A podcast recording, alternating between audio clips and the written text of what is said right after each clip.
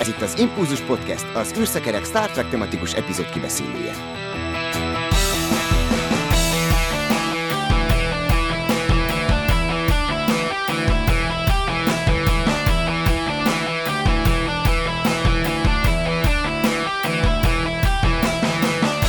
Sok szeretettel üdvözlöm a kedves hallgatókat és a kedves nézőket is.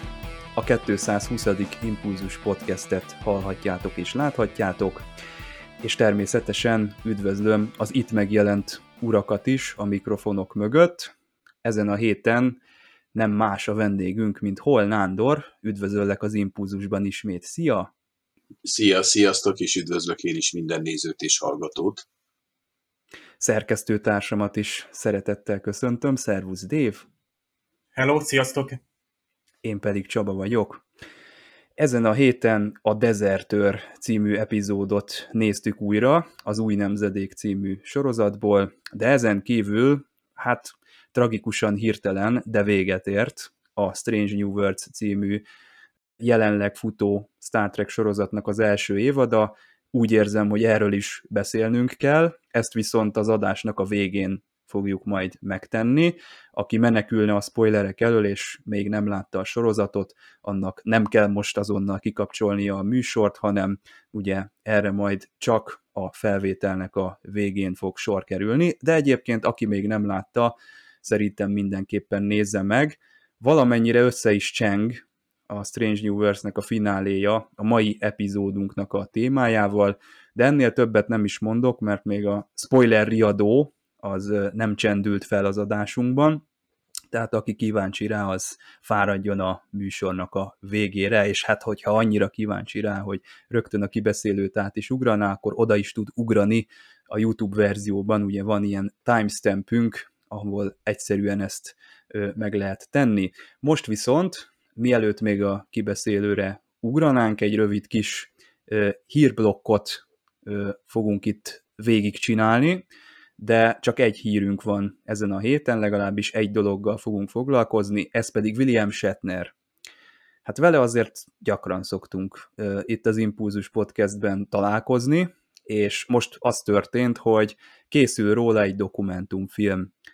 Hát Shatner azért elég sok ilyen dokumentumfilmnek volt már a mozgatórugója, meg a hostja, és hát ezeknek egy részében ugye magáról Shatnerről is szó volt, tehát például a Shatner in Space az nem tudott nem a Shatnerről is szólni bizonyos mértékben, meg ugye a The Truth is in the Stars és megmutatott valamit Shatnernek a karakteréből, de mondjuk azt, hogy ilyen életrajzi jellegű dokumentumfilm, az még valóban nem készült, pedig ugye Leonard Nimoy-nak is van ilyen, a For the Love of Spock. Én valami hasonlót tudok itt is elképzelni, és hát itt azért történelmi távlatokat lehet nyitni, 90-en felül van William Shatner, és már a Star Trek előtt is nagyon sok szerepe volt, ugye a 60-as éveket megelőzően. Lehet itt mondani a Nürnbergi pert, vagy az alkonyzónát, esetleg a Gunsmoke-ot, de, de ha valaki tényleg oda teker az IMDb-n, akkor frankon tudja görgetni egy, egy darabig a te- televíziózásnak a fekete-fehér korszakában, és William Shatner kőkeményen ott volt már akkor is, és hát itt ugye különböző, akár fejezetekre, meg ö, különböző részekre is lehetne osztani ezt a dokumentumfilmet, lehetne egy Star Trek korszakról, TJ Hooker korszakról beszélni, vagy akár a, a jogi játszmák korszakról beszélni, fel lehetne ezt szeletelni. Ez egy közösségi finanszírozású projekt, szerintem ez egy ilyen kompakt filmként fog megjelenni, de engem egyébként ez a Star Trek előtti időszak érdekelne személy szerint a legjobban, hogy hogy kezdte el a színészi pályát, illetve volt fiatal korában miket csinált. De Dév, akkor lehet, hogy most tőled azt kérdezem, hogy szerinted mire kéne fókuszálnia ennek a dokunak a Shatnernek az életéből? Hát ő az a színész, aki tényleg nagyon sokak számára fölismerhető, és jelképezi a, Star Trek-et, és több generációs televíziós korszaknak a, a szimbóluma, és azt a változást is, ami ezekben az évtizedekben lezajlott az amerikai televíziózásban, vagy akár a több mint fél évszázados Star Trek történetében is, az a számtalan megközelítésmód, ami a science fiction műfajára, azon belül a Star vonatkozik, az szerintem William Shatner is végigjárta, ha bár nem mindegyik sorozatban szerepelt, vagy volt főszereplő, de ő ugye folyamatosan dolgozott. Tehát az a Star Trek színész, aki szerintem a legtöbbet volt képernyőn, hát az életkorából adódóan, hiszen 91 éves volt már idén, és egészen mostanáig is nagyon aktív, hiszen nemrég volt például mm, Christopher lloyd közösen egy, egy filmje, egy, egy végjáték, és abban is még elég, elég friss és üde, és elég jól hozza a, az ő saját humorát, az egyéniségét. Valahogy ezt a dokumentumfilmet én nem érzem szükségesnek. Tehát meg csodálkozok, no. hogy ez, ez egy ilyen Kickstarter-szerű projektként lenne. Tehát így gyakorlatilag nem egy nagy cég, mint például amelyik nemrég a Center Seat dokumentum sorozatot készítette, ami egészen ugye az eredeti sorozat kezdeteitől ment végig egészen a, hát a 90-es évekig talán sajnos nem láttam mindet, mert így kicsit elakadta az útja hazánkba, pedig a egyik dokumentumcsatorna készítette. Tehát William Shatner maga az, az idő. Tehát szerepelt rendőrös, tipikus nyomozós karakterként, a, a Star Trek hát központi figurája, bár nem lett az a figura, aki minden szempontból emblematikus, mert azt mondják, hogy ez Spock még inkább hordozza, ugye Leonard Nimoy, ezt a Star Trek, tipikus Star Trek karaktert, és járt az űrben, tehát ez, ez, ez hihetetlen, tehát a, ami hozzá kapcsolódik, de én szerintem őt leginkább a, saját projektjen keresztül lehet megismerni. Tehát nagyon sok dokumentumfilmben volt host. És én úgy érzem, hát némelyik azért azért sekélyesebb tudományos jelleggel született, tehát ilyen, ilyen hogy is mondjam, mendemondák és science fiction legendák után eredt, tehát mint, mint host, de egyébként én, én kifejezetten szeretem az olyan dokumentumfilmeket, ahol egy konkrét személy a, tehát elmegy és kutat valamit, vagy tevékenykedik, legyen az egy autószerelő, egy kamionsofőr, vagy egy, egy restaurátor, vagy egy, egy, egy, egy farmer, bármi. Tehát bármi, ami egy hétköznapi tevékenység, ami, ami betekintés nyer számomra, és nem pedig egy, egy pusztán olyan dokumentumfilm, ahol végignézem mondjuk a Star Treknek a keletkezés történetét, mert ezek a személyes, tehát lásd mondjuk a, a, a színészekkel készült interjúk, amikor ilyen sok évtizedén távlatból visszatekintenek. Hát rengeteget változik az ő nézőpontjuk is, a személyiségük is. Főleg 90-es, 90 éven túl szerintem már ott másképp működik az ember, vagy másképp tekint az emlékekre. Tehát ez, ez, ez egy nagyon érdekes, ami ebből kijöhet, de én, azt, én szerintem Shatner minden egyes ilyen személyes dokumentumfilm projektében és aztán majdnem 500 kreditje van az IMDb-n, mint hát ilyen host, vagy tehát személyes megjelenés, míg színészként közel 300. Tehát, tehát egy kredit az egyébként egy epizódnyi megjelenés jelent, mondjuk egy film. Vendégszereplés is Így lehet. van, természetesen így van. Tehát ez, ez természetesen nagyon nagy szám, és ilyenkor már tehát ő bárhol és bármilyen formában megjelenhet.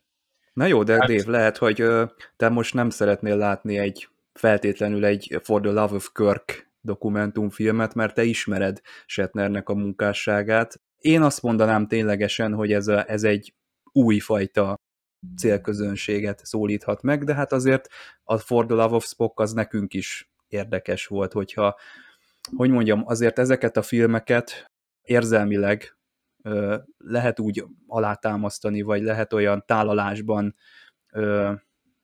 elkészíteni, hogy az, az a rajongóknak is. Tehát nem, itt nem csak az információ átadás szerintem, ami elsődlegesen fontos lehet ebben a témakörben. Én kimondottan lelkesen fogadnám a dolgot. Igen, igen, engem, engem érdekelne. Tehát valóban az van, amit te mondasz, hogy, hogy én, én annyira nem ismerem az ő munkását, vagy munkásságát, szívesen, szívesen néznék egy ilyen dokumentumfilmet, és valószínűleg, hogy szívesen meg is fogom nézni.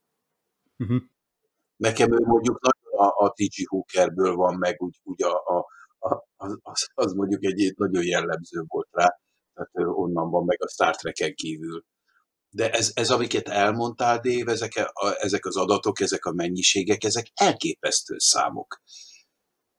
Tehát az, hogy, hogy, hogy ő, ő, ő ezeket leforgatta, mennyit kellett ehhez dolgozni, ott lenni, jelen lenni, mennyi forgatási nap van ebben és emögött?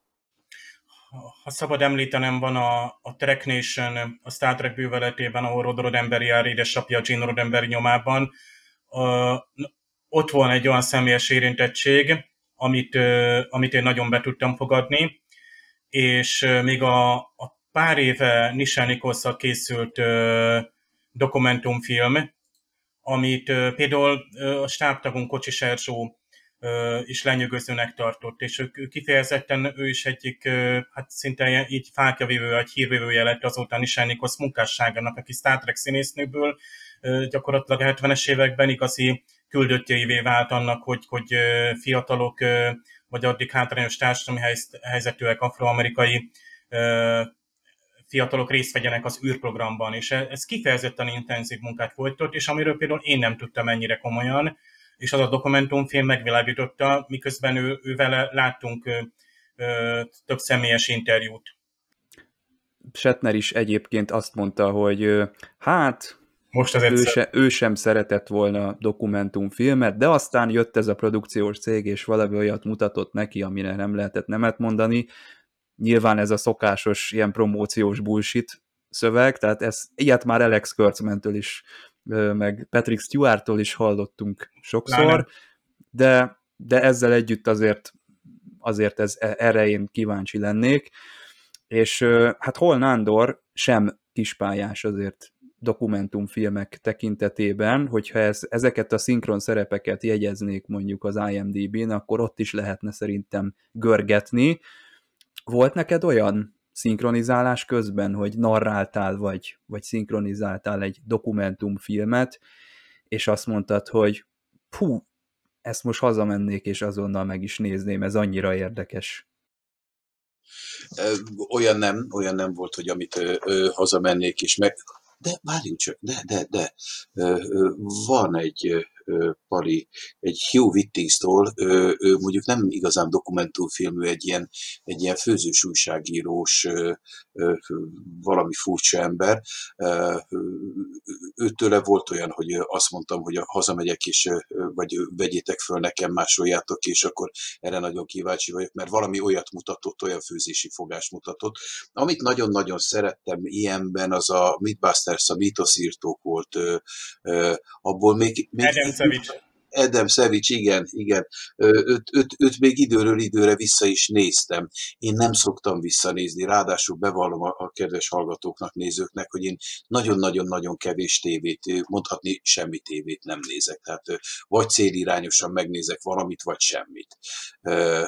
És, és a célirányosan is elhanyagolható százalék. Egész nap monitor előtt állok, ülök, beszélek, estére mire hazajövök, viszont iszonyatos mennyiségű könyvet olvasok, tehát uh-huh. heti van úgy, hogy több könyvet is elolvasok, mert arra viszont szükségem van a bötűre ilyen, ilyen formán. Tehát, tehát az, az viszonylag ritkán van, hogy én valamit is visszanézek, de mondjuk a Midbusters az, az, az olyan volt. És akkor néha előfordul egy-egy történelmi ö, ö, mű, amit ö, de, amit szívesen visszanéznék, általában hanvába hull, tehát nem jutok el oda, hogy hogy a szándék az megvan bennem, de a megvalósulásig nagyon ritkán jutok el. Figyelem! A műsorban spoilerek bukkanhatnak fel.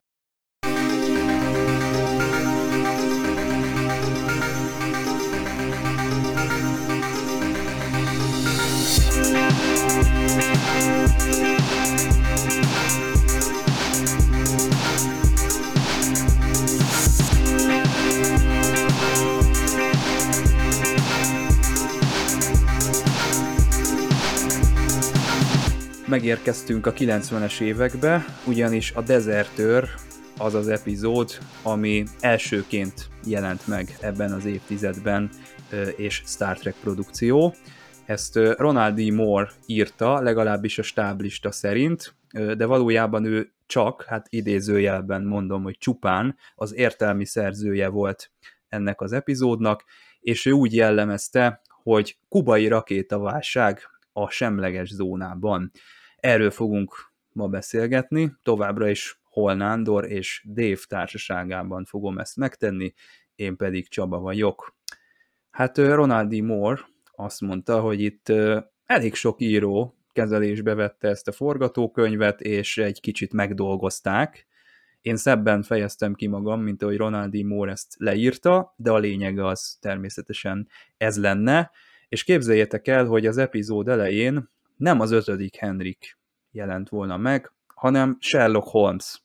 Szerintem ezt azért alakította így Ronaldi Moore, mert látta, hogy a második évadban volt egy ilyen Sherlock Holmesos déta történet, de nem tudta, hogy a produkció ugye összeakasztotta a bajuszt Arthur Conan Doyle örököseivel, és ilyen jogi problémák miatt a Sherlock Holmes az már nem szerepelhetett egy ideig még a Star Trekben, tehát itt elkezdődtek bizonyos jogi tárgyalások, de ez a forgatás előtt pár nappal derült ki, úgyhogy maga Patrick Stewart javasolta azt, hogy hát akkor Shakespeare-t kell elővenni, nincsen mese, nem is tudom, hogy miért mondta ezt, de annyira bevált ez a dolog, hogy én például, hogyha nem tudtam volna ezt a háttérinformációt, akkor nem mondtam volna meg, hogy basszus, hát biztos nem ezt az ötödik Henriket tervezték ide, mert annyira jól belesimul a történetbe, és annyira alátámasztja a mondani valót, hogy rettenetesen jól működik. Azt viszont meg tudtam mondani, hogy Patrick Stewart tűnik föl rögtön az első jelenetben, nem mint ugye Pikár kapitány, hanem konkrétan, mint a, a, az ötödik Henriknek a, az egyik szereplője, Michael Williams.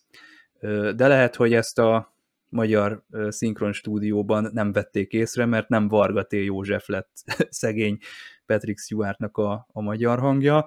Ugye itt rögtön egy filozofálás megy a, a háború természetéről, hogy vajon a katona az ö, felelősségre vonható-e, vagy számon kérhető-e azért, amit tesz a harcmezőn, vagy ez a királynak lesz egyedül a dolga, hogy jó ügy legyen, amiért ezek az emberek meghalnak, és majd ő valahol valamikor erről számot ad.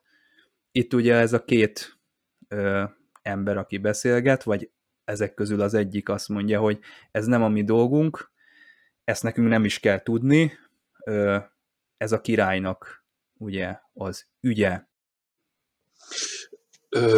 Először is a, a visszatérnek egy, egy gondolat erejéig, a, hogy, hogy nem a, a Varga volt a magyar hangja. Nekem is vissza kellett néznem, tehát olyan szinten volt elmaszkírozva, itt valószínű, hogy valamilyen stáblista probléma lehetett, vagy figyelmetlenség, ez is elképzelhető, hogy figyelmetlenség volt benne. Vissza kellett néznem, és erősen rákoncentrálni valóban valóban ő, ő volt az sajnálatos. Azt gondolom, hogy sajnálatos. A, a filozófiai része, hogy mennyiben lehet felelősségre vonni egy katonát egy háborúban, a csatamezőn történtekért szerintem nem. Minden amellett és amögött történtekért pedig igen igen. Vagy pedig, vagy pedig, ez megint olyan, hogy ezt tudnunk kell, hogy hogy, hogy, hogy volt ez, ez mondjuk akár csak 150-200 évvel ezelőtt is, hogy, hogy háború. Tehát nem arról volt szó, hogy önkéntes hadseregek voltak hanem bandériumok voltak, ahova aztán vitték a, a, a jobbágyfiúkat, ha akartak, ha nem, tehát kötéllel, lasszóval, egyébbel összefogdosták őket, és, és volt egy, egy fizetett hadsereg, egy ö, ö, minden országnak valamilyen fizetett hadsereg, oda mentek a nemesek azért, mert oda az meg kötelesség volt, egyrészt azért kapták a, a nemesi előjogokat, másrészt meg ö, ö, még néha egy kis pénz is állt a házhoz, hogyha ők elmentek háborúzni, de a katonák túlnyomó többsége nem saját jószántából, de még a második világháborúban sem saját jószántából ment a katonák túlnyomó többsége a háborúba. Na most egy ilyen helyzetben, amikor mögötted áll mondjuk ugyanolyan fegyverzettel, mint aki veled szemben áll, tehát hogyha megfordulsz, ugyanúgy lelőnek, akkor, akkor nem sok választási lehetőség van. Egy háború mindenképpen embertelen és elftelen, bárhonnan nézzük, bármelyik oldalról. Na, de Pikár ugye nem mehet a, a legénység közé áruhában, ő, ő nem tudja megfigyelni a, a legénységet, csak akkor, amikor ott van a hídon, vagy éppen amikor a folyosón közlekedik, de hát akkor lehet, hogy ugye őt Pikár kapitányként látják és akkor máshogyan viselkednek, tehát ez a, ez a hátránya ennek a dolognak, de hát az ő vállát nyomja a súlyos döntés, és itt Déta és Jordi között el is hangzik a, az a kulcs momentum, vagy az a párbeszéd, ami ehhez a, ennek az epizódnak az értelmezéséhez kell, hogy hogyan döntsünk, mennyi megérzés kell, a tényekre mennyire alapozhatunk, az ösztönök azok mennyire vezérelhetik ilyenkor egy, egy ilyen helyzetben az adott kapitányt.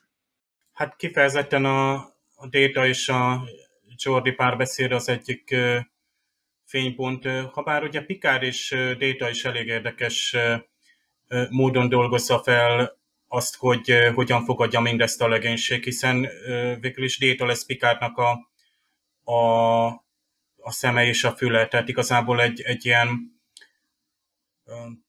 semleges, vagy hát mindenkitől gyakorlatilag távolságot tartani tudó egyénként, ő, ő tud tárgyalagos maradni, ha netán itt egy olyan helyzet alakul ki, amit később hát dokumentálni kell. Miért döntöttünk így? Tehát egy, egy ilyen válsághelyzetben tényleg úgy szólván, például későbbi dokumentumfilmekben is, ahogy ilyen ilyen történelmi nagyválságokat mutatnak be, akkor szinte percről percre mutatnak párbeszédeket, amennyiben vannak dokumentumok, vagy a döntésnek a folyamatát, hogy hogyan alakult ki, és egy helyzet hogyan lett volna elkerülhető. Tehát egész történelmnek ugye ez a lényege, hogy ezeket a következtéseket később le tudjuk-e vonni, tehát tudunk-e okulni, és szóval Déta lehetne a történelmnek az az, az, élő szemtanúja, aki, aki tovább viszi a, a, a múltnak a, a hibáit is, de azokat a, az emberi motivumokat is, mert Déta pont az, a, az, az android, aki képes az emberi, mivel kíváncsi rá, az emberi ösztönökre is rálátni, és nagyon érdekes, hogy ez, ez a kettősség, ez megjelenik Jordival kapcsolatban is, aki Déta barátja, és Pikár kapitányjal kapcsolatban, és aki a felettes és a mentora, tehát például ez a, a színdarabnál történt párbeszéd, ahol egyébként mondjuk úgy, hogy Patrick Stewart volt áruhában, és játszott el egy szerepet a holófedélzetet, és az például jó fogás lett volna, ha egyszer csak ő előlép, és akkor úgy kezdeményez, tehát még kosztümben párbeszédet Détával. Tehát, hogy ő is színjátszást végez. Így van, tehát együtt, együtt játszanak, illetőleg nem voltam benne biztos, de kicsit hiányoltam, hogy az epizód végén nem jelenik meg valamiképpen, tehát így keretes felépítésben az, hogy reflektálnak, vagy akár újban, újból megjelenik ez a, ez a színdarab. Ugye ezt többször látjuk, hogy Détát lenyűgözi az emberi, tehát mindaz, ami, ami bennünk spontán, ösztönös, érzelmes, tehát ő itt felsorolja, hogy kiket tanulmányozott, mint amikor a múltkor a, a szemcsellózott, és felsorolta azokat az előadó művészeket, akiknek a, a játékát megfigyelve ő gyakorlatilag integrálta az ő művészetüket a saját előadás módjába. Egyébként már ez fantasztikus, hogy és én erre mondtam, vagy nem tudom, hogy ezt mondták-e Détának, hogy már azzal gyakorlatilag túlépett a gépi léten, hogy ő kiválasztott követendő példákat, és gyakorlatilag olyan, mintha egy személyes indítatás lenne. Tehát az, hogy én kit választok ki mintaként, már az is meghatároz engem. Az lehet, hogy GPS-en követem a mintákat, de így kezdődik a, az igazi mesterséges intelligencia, hogy a, a, a gép már úgymond saját döntéseket hoz, hogy milyen példákat kövessen. Egy adott szituációban hogyan döntsön. És hát Déta ezeket tanulja meg újabb lépésekben, és, ezt, ezt jó volt látni, minden mellett, hogy az epizód hát a, most tényleg az egyik legizgalmasabb és leg, hát tényleg sok kétséget tartalmazó Star Trek epizód. Tehát ugye mindig Penge élen táncol Pikár kapitány a diplomáciában, és, és ezt ér most is vissza. Tehát tények és ösztönök, illetve Pikárnak a saját döntése, amikor ugye megint tomalakkal kerül egy olyan párbeszédbe, amivel gyakorlatilag háborúk kitörését akadályozza meg, vagy elindít egyet. Tehát ez, ezt, ezt mindig kicsit így csodáltam, hogy ilyen, ilyen szabadság, ugye az admirális is szabadságot ad a Pikár kapitánynak, hogy hát ön van ott, és majd ön fog döntéseket hozni, hogy hisz neki vagy sem. És hát ez tényleg, Pikárnak ott van a stábja, de ugyanakkor ő a Pikár kapitány. Tehát ő fog felállni, és döntéseket hozni. Ő fog belépni a semleges zónába, vagy azt mondani, hogy a hisz, hisz ugye a szetálnak vagy sem. Szóval ez emiatt nagyon érdekes, tehát emiatt a, ugye a, személyes döntések miatt nagyon érdekes az epizód, és nyilván ugye a, a Jarek Admirális személyes tragédiája miatt. És hát ugye azt gondoljuk, hogy ez a Jordi és Déta párbeszéd, ez Détának építi a karakterét. Egyébként igen, de ez mégsem egy Déta epizód. Tehát kimondatják azokat a mondatokat a nézők számára, ami Picard szempontjából lesz fontos. Tehát a Picardnak kell eldöntenie, hogy az ösztöneire hallgat, vagy, vagy a tényeket veszi figyelembe, vagy hogy milyen döntésmechanizmust fog majd ő használni. Jordinak is ugye megvan a maga hozzáállása, hogy ő azt várja, hogy letoltgatjával fogják majd a, a romulánokat találni a, a semleges zónában. Ez is egy, egy tipp, ami, ami az ő megérzéséből következik. Hát a David már ugye említetted magát a dezertört, James Loyan ugye a, a, a színész, aki őt megjeleníti, és szerintem egyébként páratlanul jól csinálja ezt. Tehát gyengélkedőn történik még egy érdekes dolog, ugye a Dr. Crusher felidézi a Galandon ö, eseményeit, illetve lehet, hogy nem is ő idézi föl, hanem az így felidéződik, és Dr. Crusher reagál rá, hogy á, igen, neki is volt alkalma ugye a Romulán szervezetet emiatt a krízis miatt tanulmányozni, és oda pillant Worfra. És ugye aki látta az epizódot, az tudja, hogy miért pillant oda, ugyanis ugye Worf abban a szituációban megtagadta azt, hogy donorként segítsen egy haldokló Romulánnak, de bárcsak ilyen finoman és elegánsan történnének meg a fanservice elemek az új Star Trek sorozatokban. Aki tudja, hogy miről van szó, annak ez nagyon jól esik, és nagyon tudja értékelni, aki meg nem, az semmiről nem marad le, tehát nem egy másodperc annyi sem kell ehhez, hogy ez, ez a dolog megtörténjen, és, és megyünk is tovább a, a történetnek a maga sodrásában. Na de, mit szóltok magához a karakterhez, a dezertőrhöz? Én őszinte leszek, én most láttam először ezt a részt. És ö, ö, teljesen, aztán megnéztem természetesen még egyszer, teljesen szűz szemmel, nem tudtam egészen a végéig eldönteni, hogy itt most mi történik. Tehát annyira jól megformálták, annyira jó volt a színészi munka is, a, a dramaturgiai munka is, hogy, hogy még vége lett, ültem, és most akkor most benne volt, vagy nem volt benne. Tehát hiába hangzik el a végén a, az, hogy, hogy hát ö, ö, ö, nem volt benne, de hát mégiscsak felmerült bennem a hogy hát ha mégis. Én azt gondolom, hogy nagyon jó és izgalmas ö, csavarral ö, ö, formálták ezt meg, és nagyon jó volt a színészi alakítás. Nekem nagyon tetszett. Szerintem azért ennyire ütős, mert mindenkinek van, én úgy gondolom az életébe egyszer-kétszer, de lehet, hogy többször is olyan szituáció, amikor nem tudjuk, hogy az a másik fél az igazat mond-e, vagy, vagy, vagy nem. Nyilván szerencsénkre rajtunk nem múlik egy háború, jó esetben, de jön valaki, és egyszerűen nem, nem tudjuk, mert, mert az a valaki is, ő sem biztos, hogy tudja az igazat, vagy ő sem biztos, hogy úgy cselekszik. És itt is ez a helyzet. Ugye ő a saját meggyőződését prezentálja itt az Enterprise-on, de hát őt etették hamis információkkal, ez a etették, ez kicsit így a angol verziónak a tükörfordítása, de hamis táblázatokat, meg statisztikákat, meg terveket, meg különböző dokumentumokat mutattak neki, és ő elhitte azt, ő hitt benne ebben a dologban, és ennek a tudatában cselekedett. Bocsánat, de mennyire ö, ö, aktuális most ez a része a dolognak. Tehát, hogy, hogy mennyire erről szól a mai világ, hogy, hogy mennyire meg vagyunk vezetve, meg van az egész világ vezetve. Erről szól, én azt gondolom a mai tömegkommunikáció, hogy, hogy innen is, onnan is próbálják a, a és tudjuk mi, hogy mi az igazság? Ő sem tudta. Úgyhogy sajnos nagyon komoly aktualitás, legalábbis az, szerintem nagyon komoly aktualitása van ennek a részének. És az itt kifejezetten erős, hogy tehát itt egy azért egy stratégiailag, katonailag eléggé tájékozott szeméről van szó. Tehát egy admirálist vernek át, aki úgymond egy, egy, egy kegyvesztett lesz, és azért is merül fel, hogy most milyen szempontból dezertőr vagy áruló ő, hiszen ő minden szempontból egy háborút kívánt megakadályozni egy, egy szélsőséges módszerrel.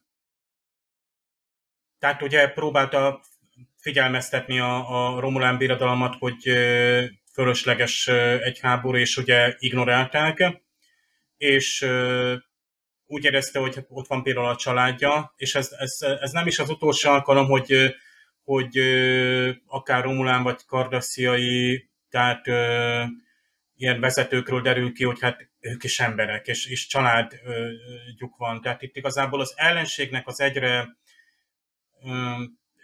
részlet gazdagabb ábrázolása ez, ami a Star Trekben egy, egy újabb nagy előrelépés. Tehát itt már nem csak a klingonokról beszélünk, akik ugye alapvetően egy becsülettel harcoló, de kifejezetten egy, egy tipikusan egy... egy De akkor ez a Jarok admirális, ő egy ember vagy egy Romulán, mert hogyha emberként ítéljük meg, akkor azt mondhatjuk, hogy persze, ő a békéért uh-huh. dolgozik, és ez dicsérendő, és azt is mondhatjuk, mint a Pikár kapitánya végén, hogy ez egy bátor dolog volt, és csak így tovább, tehát kövessük a példáját. De mi van, ha Romulán szemmel nézzük őt? Tehát a Romulánoknak a háború a mindenük. Lehet, hogy tehát ez, ez, ez egy másfajta erkölcsi rendszer.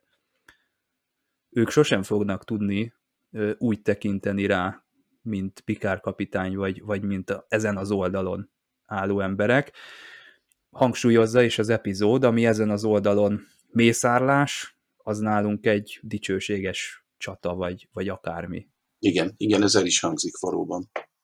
Hát a, a, a, abból a szempontból teljes értékű árulás talán. Vagy nem, bocsánat, a talánt azt visszavonom. Tehát ott az teljes értékű árulás.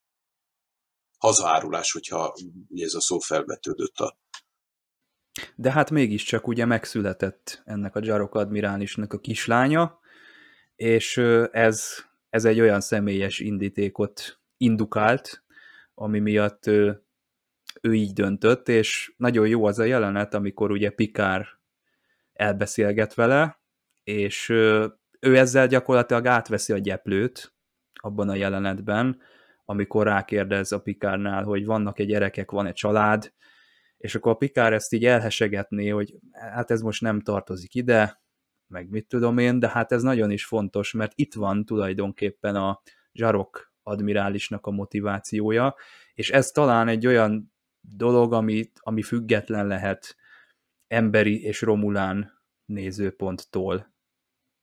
Mondom én ezt emberként, lehet, hogy aztán nem így van.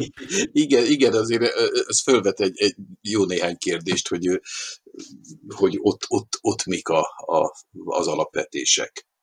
Tehát egy ilyen társadalomban, ahol a háború az úr.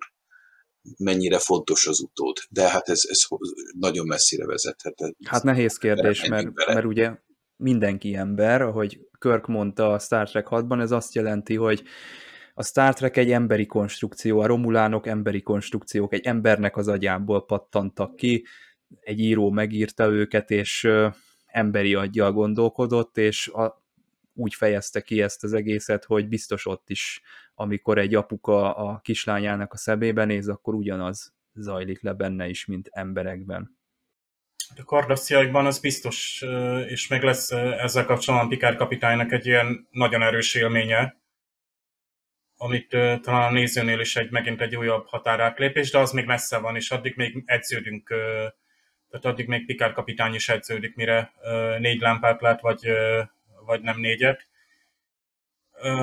Itt a, ugye, hogy a gyerekekért kellene megváltoztatni a világot, azt mondja ugye Csarok, vagy minden gyerekért, tehát itt, itt, itt teljességgel megadja az értelmet, és hát attól, hogy Pikárnak nincsenek gyerekei, meg még idegen tőle a, a család gondolata, itt most jelenleg, ez egy gyerekekkel, családokkal teli hajón szolgál, és ugye az Enterprise egy zászlós hajóként jelképezés a föderációnak azt a hihetetlen bizalmát, hogy egy háborús helyzetben gyakorlatilag tényleg kisgyerekekkel, meg családokkal, hát most megrakott, most nem tudom, hogyha mekkora arányban vannak, nyilván nem minden tisztnek van gyermeke és családja, de itt voltak éppen tényleg ez, ez a Rodemberi féle mondhatni ultra pozitív és optimista jövő szemlélet, hogy ugye a föderáció, amely én így érvelek legalábbis, hogy amely több fajnak a, a szövetsége, úgy szólván Pikár kapitány képviselhet egy olyan szerveztet, amely sokféle moralitást képvisel, de a háborúval kapcsolatban mondjuk, hogy ugyanazt. És itt úgy, úgy mondjuk, hogy a romulánok is azt képviselik, hiszen igazából ők sem kezdeményeznek direkt támadást, de azért nem lenne ellenükre, például a föderáció kezdeményezni ezt, mert akkor szívesen belemennének ebbe. Tehát a klingonoknak is csak a bajszát kell húzogatni, egyébként csak egy valamit nem értettem ebben az epizódban, a klingonokat. Tehát ott Worf titokban biztos fölhívja a Klingon haverjait. Egyébként ez teljességgel sajnos így mellékágon van, pedig hát ez egy izgalmas párbeszéd lehetett volna, hogy honnan jöttek a, a, az a három Klingon hajó, amelyik végül is nem, Kling, nem Pikár kapitánynak a... Tehát, tehát máskor minden epizódban azt látjuk, hogy Pikát föláll, hoz egy, egy, egy kőkemény döntés, nyilván arra alapozva a saját józanságára, a stábjának, a legénységének a, a tanácsai alapján, de lényeg az, hogy ő benne összegződött, és ő olyan helyen ül, és olyan pozícióban van, hogy ő neki kell meghozni a döntést, és tud helyes döntést hozni.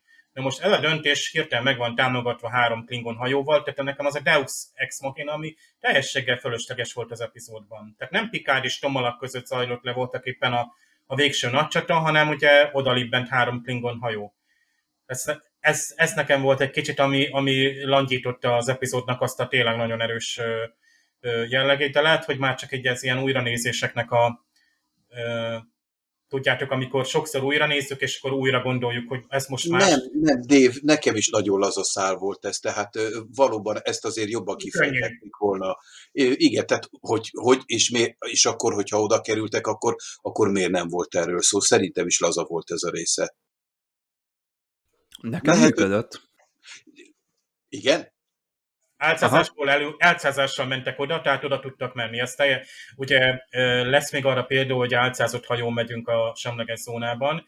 Ez technikailag működik. Én csak a, azt nem értem, hogy tehát a végső érv, hogy Tomalak ne húzza meg a vaszt, tehát Pikár túl magabiztos volt, és ugye ha te, te Nándi először nézted az epizódot, te nem sejtetted, hogy Pikárnak mi van a tarsajában. Nem, nem, abszolút váratlan volt. Tehát, tehát mármint, hogy ez. Igen, igen. Hát Worf-val történtek ilyen összekacsintások, hogy vágyjuk még Mr. Worf, de az lehetett volna egy titkos egy, egy torpedó is, amit Worf kifejlesztett valami új, új hadicselt. Tehát ez hadicsel volt, ugye a Klingonoknál ilyen van, tehát Worf számára ez nem csalás, úgymond. Tehát ugye, a szitu, ez, a, ugye ez a szituáció a pengei lemozgott. Tehát itt, itt, itt pókerjátszma zajlott, vagy itt úgymond itt, itt blöfölni kellett, és Picard most nem blöfölt. Ilyen szempontból igen, van igen. meglepetés, van ereje ennek is, mert máskor Picard ilyet beblöfföl, hogy Tomalak parancsnok éppen három Klingon hadihajó van úton, meg akarja várni. Várja meg nyugodtan, és közben senki nincs úton, csak Pikárnak a szokásos, vagy nem szokásos, de azért néha használt blöffje lett volna. Nekem ez nagyon működött, mert ugye van egy, egy kis párbeszéd valahol a, az epizódban, hogy Mr. Worf ennek a nem tudom milyen Klingon hajónak a parancsnoka szeretne önnel beszélni, és ennyi. Ja, és, és ezt te elfelejted. Mintha nem is lett volna nézőként. Igen, én el, el is felejtettem, igen. És ott, amikor megtörténik, hogy megjelenik a három Klingon hajó, akkor jut eszedbe, hogy de basszus, hát tényleg, hát ezt leszervezte a Pikár, és ott volt, és megcsinálta, és azért vannak most itt, mert akkor ott volt az a kis üzenet, amit akkor nem értettél, hogy miért van ott, vagy nem elcsiklottál fölötte, de most most ez így, és nekem ez így hatalmas nagyot ütött. Aha. Ez a dolog. Csak nem, akkor... nem 19-re húzott lapot, mert az túl vakmerő lett volna. Ő azért lépett be a semleges zónába, mert tudta, hogy van mögötte egy, tehát van mögötte valami, amivel megakadályozza a háborút, bármilyen rossz is lesz a tárgyalás, van egy ultimatív végső igen, be kell, a semleges zónába be kellett lépni, mert a, a történet, most ez hülyén hangzik, az a, arra sodródott, hogy nem tudjuk szenzorokkal kivizsgálni azt a bolygót, tehát innen messziről nem fogjuk tudni megállapítani, hogy ők most bázist építettek, vagy, vagy nincs ott semmi. Ez a legjobb, amit a Jordi és a Data elemzése ö, prezentálni tud. Kapitány, oda kell menni ha, ha nem megy oda, tehát e, ez egy rettenetes döntés. Ha nem csinálsz semmit, és ott vannak a romulánok, oda kell menni, meg kell nézni, és erről gondoskodni kell, hogy élve vissza is gyere, mondjuk a semleges zónából. nem az, tehát ha te úgy jössz vissza, hogy téged elpusztítanak, igazából az is egy, azzal is elindul. nem jössz vissza, ha elpusztítanak. Igen, de, de, de ott, hogy, ha, ha ott rosszul játszod le azt a partit, akkor, akkor ott kitörhet a háború. Tehát tényleg ez a kubai rakétaválságnak az esete, hogy tehát mit, mit, mit, milyen, meddig vagyunk hajlandók elmenni, és, és, és a békért, úgy szóval, vagy a háború megakadályozásáért, és itt egyébként Pikárnak több mondata is annyira komor, hogy ugye a nézőben tényleg azt sejteti, hogy hát itt, itt te jó ég, itt tényleg lehet, hogy elindul egy háború, itt, itt lehet, hogy nem lehet megakadályozni, hogy eddig még meg lehetett, de itt ez egy olyan ellenfél, aki, aki kihúzza a gyufát, és nem, aki nem enged nem háborúba lépni. Tehát itt a romulánoknál az a baj, hogy erről van szó, mert a klingonok, a klingonok mondjuk úgy, hogy ők is szeretnek háborúzni, de mondjuk úgy, hogy becsületesek. Ez a semleges zóna, ez kicsit ilyen vadnyugat, mert ö, ugye belépsz a semleges zónába, téged számon kér mondjuk a tomalak, hogy te miért lépsz be a semleges zónába, és neki van igaza egészen addig a pillanatig neki van igaza, amíg neked meg nem jelennek az álcázott Klingon hajóid, mert akkor te vagy többen, vagy egyformán álltok, és akkor már inkább nem kezdtek el egymással harcolni. Tehát ezek kinek van nagyobb valamije ott a semleges zónába, és akkor annak lesz igaza. De hát ez jogos önvédelem szerintem, hogyha mondjuk a, a romulánokkal kell tárgyalni, akkor ez szerintem ilyen óvintézkedéseket meg kell tenni mindenféleképpen. Hát a romulánokkal szemben alapvető óvintézkedés így van, hogy én legyek többen.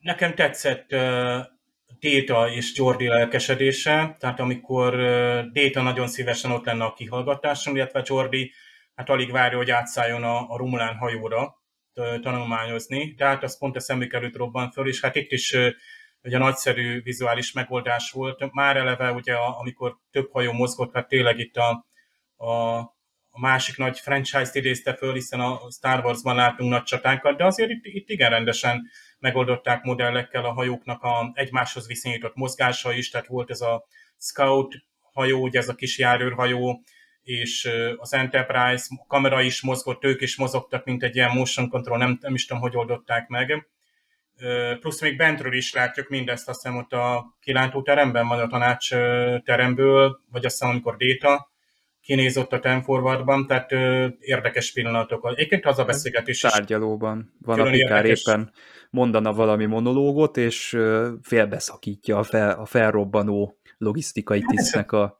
a hajója ezt a Pikárnak ezt, hát biztos mérges volt a kapitány, hogy ő most jól el akart mondani valamit, és pont akkor kell felrobbanni, és ezt milyen jól ott a gyengelkedőn átadja a színész, hogy na, megnéztétek volna, hogy mi van azon a hajón mi, hát most már nem fogjátok soha az életbe átkutatni.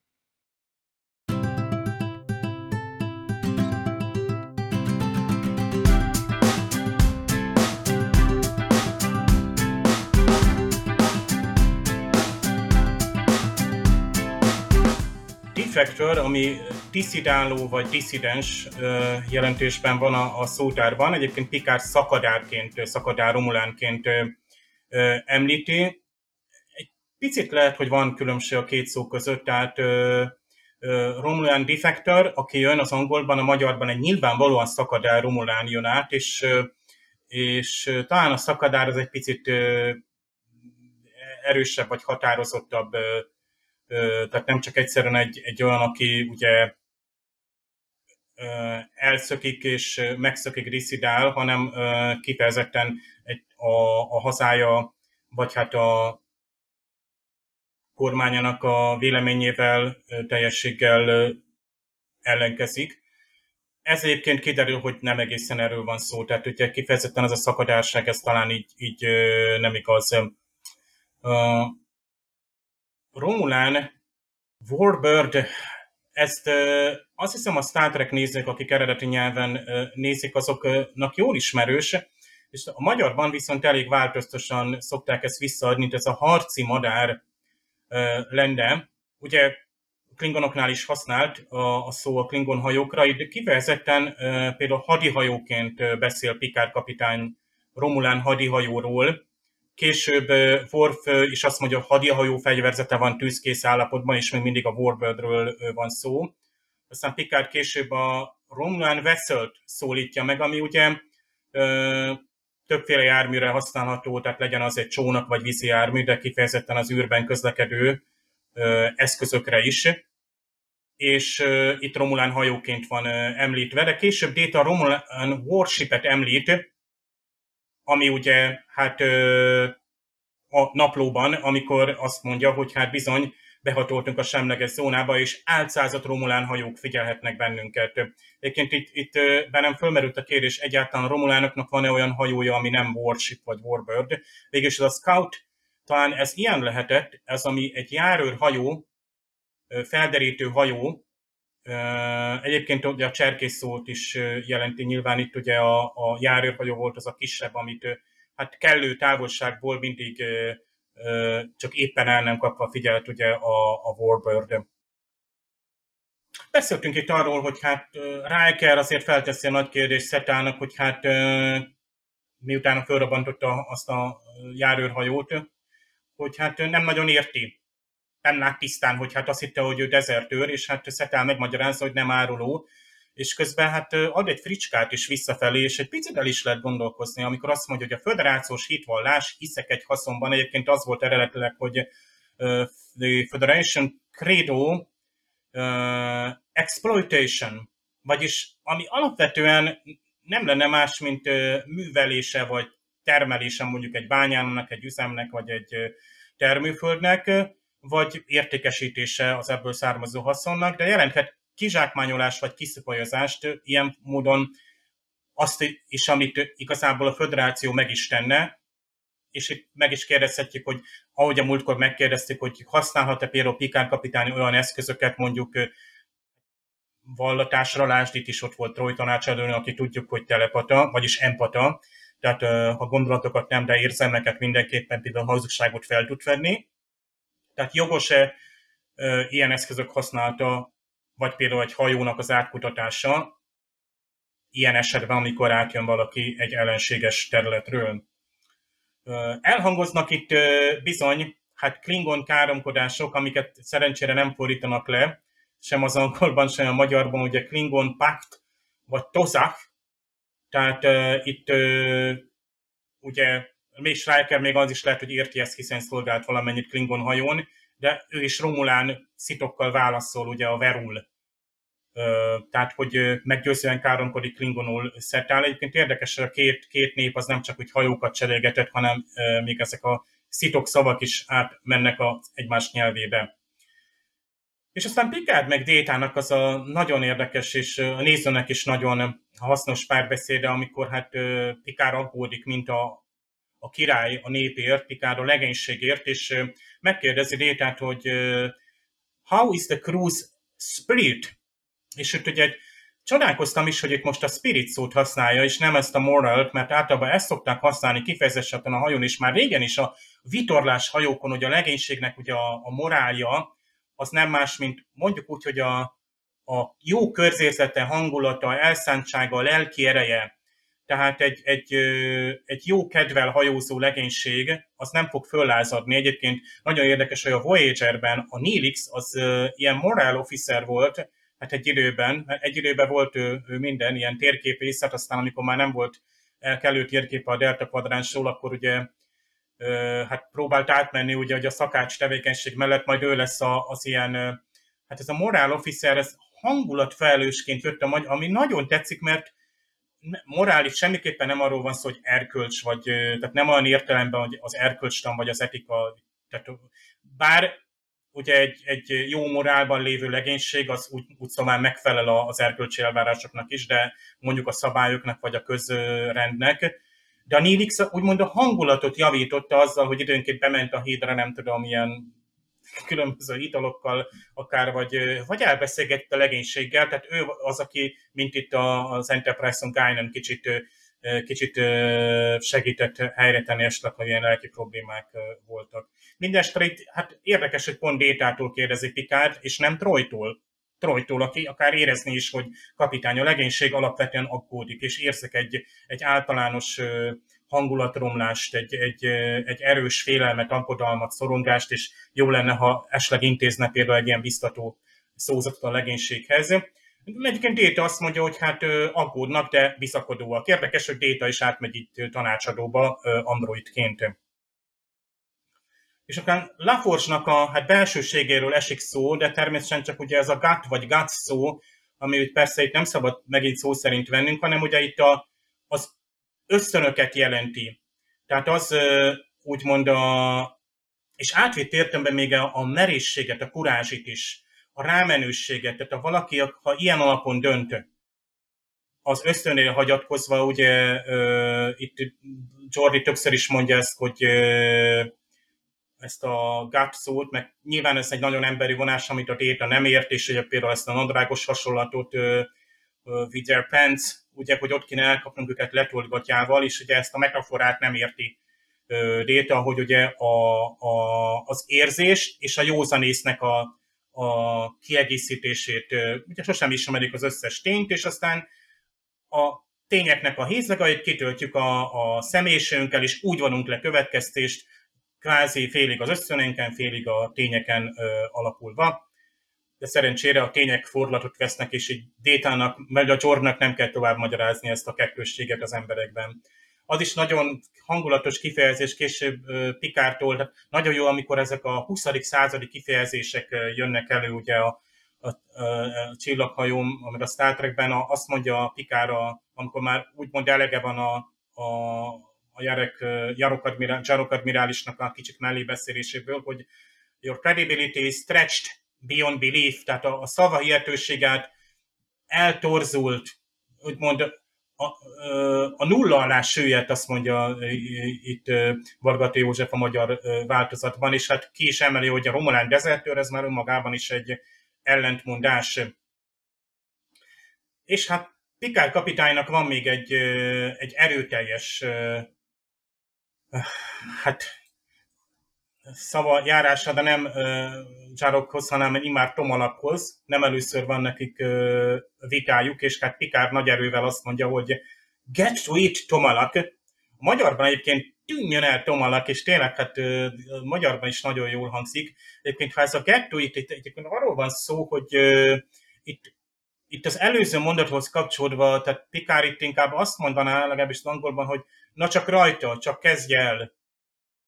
Ugye nem is tudom, mit mond, hogy Tomalak azt mondja, hogy megkímélem a megaláztástól, és Pikár erre mondja azt, hogy ugyan már, csak csinálja, csak nyugodtan tegye azt, amit szándékozott.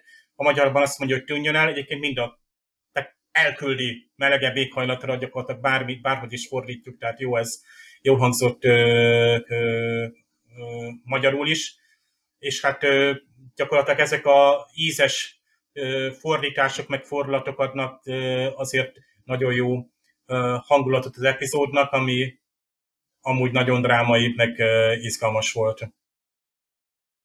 Az összefoglalás előtt Hol Nándort egyéb teendői miatt egy kicsit hamarabb el kellett engednünk a műsorból, arra még azért maradt idő, hogy gyorsan elköszönjünk tőle, ezt fogjátok most hallani, utána pedig Dév és én összegezzük majd az epizóddal kapcsolatos benyomásainkat. Hát Nándi, köszönöm szépen, hogy jöttél a mai műsorunkba. Én köszönöm, hogy itt lehettem veletek. Azt meg külön köszönöm, hogy Star Trek pólóba jöttél. Kóbor ja, igen, a... igen, igen, megmutatom, bocsánat, így. Köszönöm szépen, jó éjszakát nektek is, és a hallgatóknak és a nézőknek is. Sziasztok!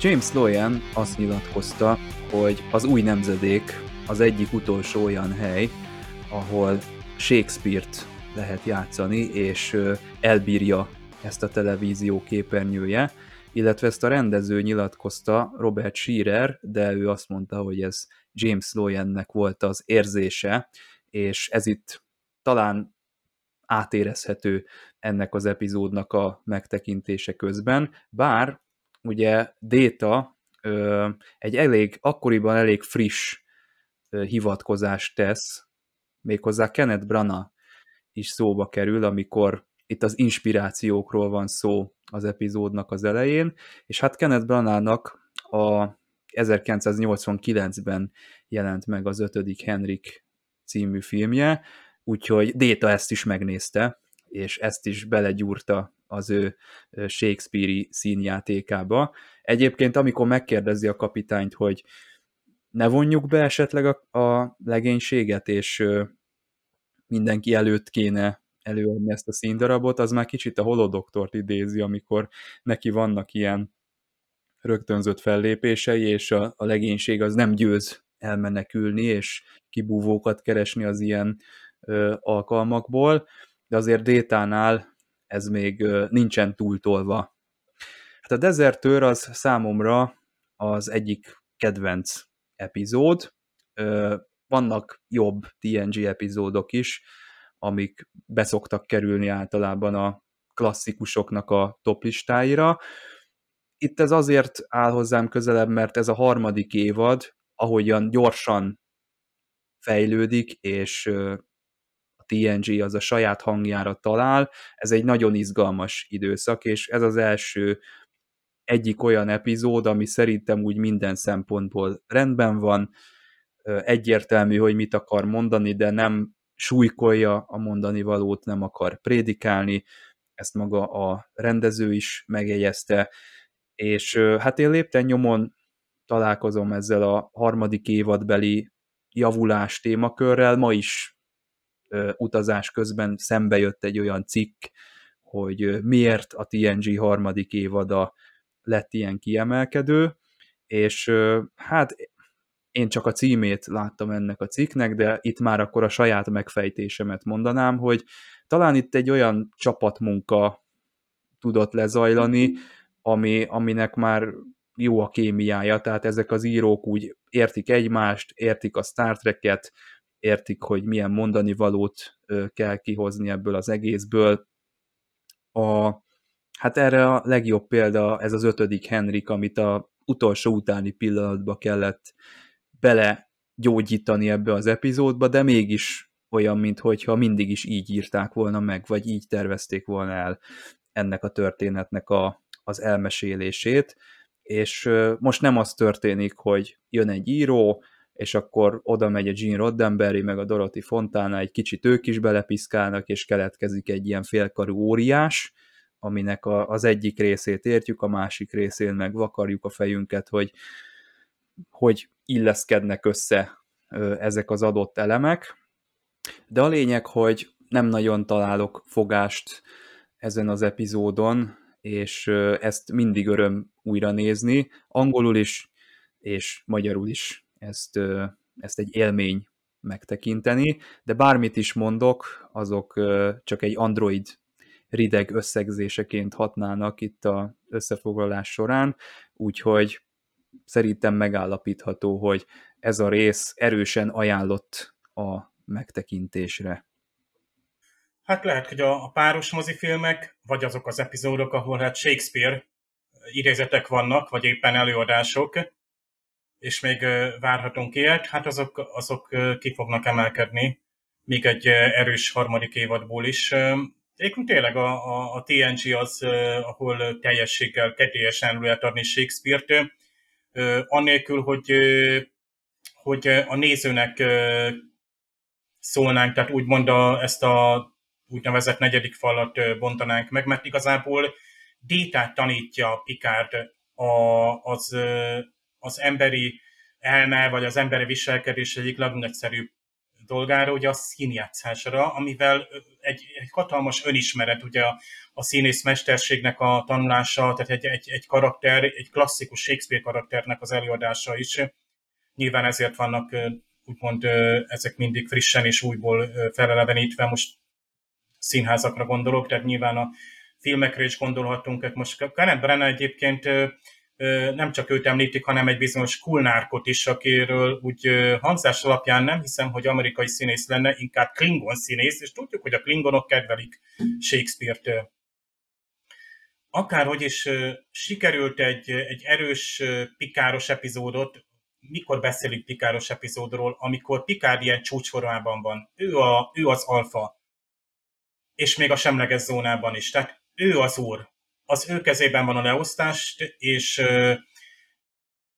itt is jó tudni azt, hogy Picard nem az a vadállat, aki bemegy a, semleges zónába, mert az ő ösztönei azt mondják. Jordi LaForge megengedheti, hogy összerakja a gépész tudásából, a szerzett információkban, meg az ösztönökből a, az ismereteket. Data megteheti azt, hogy felfedezi az emberi spontaneitást, az érzelmeknek a világát is, és nyilván még ott van ugye a, a saját Android logikája, de Pikárnak ugye ezeknek az összességét tudja eszköztárul használni, plusz ugye azokat a manővereket is, amiket ugye, ugye a Warfon keresztül ugye el tud érni, és hogy csendben a színfalat mögött zajlik, és így a nézőnek is nagy meglepetéseket kínál. És tényleg még nem vagyunk, még egyáltalán nem vagyunk a úgy idézőjelbe vett mozifilmes korszakban. Tehát amikor már érdekes, hogy most 1990. januárjában vagyunk, tehát tényleg a, azt hiszem talán pont új évnapján mutatták be az epizódot, elkezdve a, a, az évtizedet, és mondhatni egy, a Star Treknek egy olyan, olyan íráját viszik tovább, bővítik, ami, ami aztán tényleg a, a csúcsra van járatva ezekben az időszakokban, tehát így, így pár éven belül már három sorozat indulása, kezdése van, van, van folyamatban, az első TNG-s mozifilm, és milyen érdekes lesz, hogy amikor már mozifilmes stáb megy vissza majd sorozatokat is forgatni, vagy úgy szóval lesznek olyan stábtok, nyilván a TNG az csak a sorozatán került mozivászorra, de hát azért ott, ott, és ott is hasonló tétek vannak. Tehát itt mindig azt mondjuk, hogy hú, ebből egy dupla epizód, ebből egy, egy mozifilm milyen jó lett volna, és, és mindig van egy mozifilmekben egy nagyon jó hát, antagonista. Amikor, amikor csináltunk egy ilyen impulzus top 10-et, akkor sem azt hiszem főgonoszaknak neveztük, hanem antagonistáknak, és az ilyen egy ilyen utolsó reményszálat megfogó, de amúgy egy elkeseredett és kudarcra ítélt ember vagy figura, mint, mint ugye Jarok, ő kifejezetten jó lenne bármely sorozatban. Tehát ő egy Babylonotbe is kiválóan jó lett volna. Tehát akár teljesen hasonló vagy azonos motivációkkal, meg háttérrel. Tehát nyilván a, a szituáció is ott volt a a háborúra, és ez annélkül, hogy itt a, úgymond a, a hadihajók vinnék el, vagy a úgymond pusztán a katonai stratégia, vagy az akció a, a cselekményt. Igen, a TNG az a, a párbeszédekben gazdag, sokat beszélő Star Trek sorozat. De minden Star Trek sorozatban szerintem jól működnek a, azok a, a részek, amikor ugye a, a párbeszédek meg a karakter drámák mögé oda vannak téve. Tehát az a Shakespeare, pár, Shakespeare jelenet sem volt túlhúzva. Tehát nagyon fegyelmezetten volt, és ahogy mondtam, hogy a végén nem volt újra, újból elővéve. Tehát úgymond nem csinálták meg ezeket a kvázi TNG kliséket, hogy, hogy visszatérünk, tehát, vagy egy olyan B-szállat behozunk, amivel, lásd egyébként, Worf ügyesen jött elő. De azért mondjuk úgy, hogy egy, egy vörös zászlót emelt fel Dr. Azoknak a nézőknek, akik még emlékeztek erre, hogy igen, ott, ott Worf egy elég határozott döntést hozott, és arra emlékezzünk. És most, most Worf az, aki például itt egy, egy, egy megmentő ebben a Romulán szituációban. Ott nem volt az, nem tudott az lenni a lelkismerete alapján. És jó, hogy ezeket a karaktereket meghagyjuk a saját ö, játékterükben ö, mozogni, tehát Picard nem válik ö, ahogy mondtam, tehát egy, egy, egy semmiből csak az ösztöneire építő és úgymond a tomolaknak, tehát úgy nekiugró ugatókutyává, hanem a döntése, mint később kiderül, megfontolt. Viszont benne van a, a nézőt egy kicsit elelengedjük, tehát abban a tekintetben is, hogy te jó ég, most akkor Tomal, vagy a Jarok az most kicsoda, micsoda, igazat mond, nem, őt csaptánk be, vagy ő ezért dupla csel, kettősüknek és a többi. Jó, ez a 90-es évek, itt még, itt még lehetett akár a Star Trek nézővel is ezeket a játszmákat jól, jól föltalálni, de ezekben szerintem mindig szívesen belemegyünk, tehát mindig szívesen szeretnénk a karakterek felszínarra nézni, ezekkel a kevés utalással is, tehát megkapaszkodni ebben. Ugye, ahogy szoktuk mondani, hogy a Star Trek az egy ilyen, ilyen kvázi nyomozó sorozat. Tehát mindig valamelyik szereplő mindig nyomoz valamilyen ügyben, tehát mindig itt van ez a Kalambó módjára, ugye a, most a, a Jarokra járjáró Pikár is, tehát aki gyakorlatilag ugyanúgy földekesíti már a végén, és előjönnek ezek a személyes motivációk, amivel ugye előbb-utóbb elárulja magát, egyébként azt árulja el, hogy igen, őszinték a motivációi. És itt sajnos ez a nagy, tehát Pikár itt azért össze tudja rakni, és a néző is, és ez jó. Tisztán, logikusan meg van írva, jó arányokban. Most igaz, hogy például ki lett egy kihallgatási párbeszédvével, például szerintem egy Deep Space Nine-ban lett volna keményebb kihallgatás. Tehát amikor mit tenni, Cisco kettes belül a, az illetővel, akkor lehet, hogy más, más, más hangzik el, egy kicsit más típusú az a párbeszéd, de hát ez, ez, ez még egy pikád, aki Troyjal ül le, és vagy ott van Riker, stb. Tehát ez, ami például nagyon tetszett, hogy Data, Data így, így tehát akaratlanul is vég ebben az epizódban ez a végment ez a szál, hogy ő, ő most kvázi egy ilyen emberismereti leckéket vesz, és gyakorolja is, ahogy úgymond egyszerűen rászállott a, a csarokra ott az étkezdében, és akkor ott még elismernek a holofedélzetre. Tehát Déta létrehoz egy szimulációt, amit ugye ha ezt Picard csinálná, vagy Riker, akkor értenénk, hogy van egy mögöttes szándék, hogy valamit fel... Hát én így is elgondolkodtam, hogy nincs -e esetleg mögöttes szándék. Szerintem Détának inkább, tehát egy picit még naívabb ahhoz, hogy, hogy jó, nyilván egyébként ő is, de az, az is egy picit naív kérdés, amikor ott kérdezgeti Jorit, hogy szerinted ez, ez szerinted szakadár, vagy nem, és ez teljesen olyan, mint amikor nem tudom, a adott ö, izé, szapanópera epizód után másnap megkérdezik, hogy terint, szerinted ő a gyilkos, nem ő a, vagy nem tudom kicsoda, a boltban a emberek egymást, hogy tehát ugye ez a teljesen kvázi banális, hiszen Déta az, az nekiállhatna ő, tehát sokkal úgymond ez az ember, tehát nagyon emberi módon áll ehhez is, akár Jordihoz is hozzá meg az egész szituációhoz, és ez nincs, nincs most nincs túlhúzva, tehát Téta nem ö, serteperté vagy lábatlankodik ezekben a szituációkban, mint amikor látjuk, hogy béna a humora vagy a, a bizonyos kommunikációja. itt nyilván nem, nem akar a epizód ezzel szurkálódni.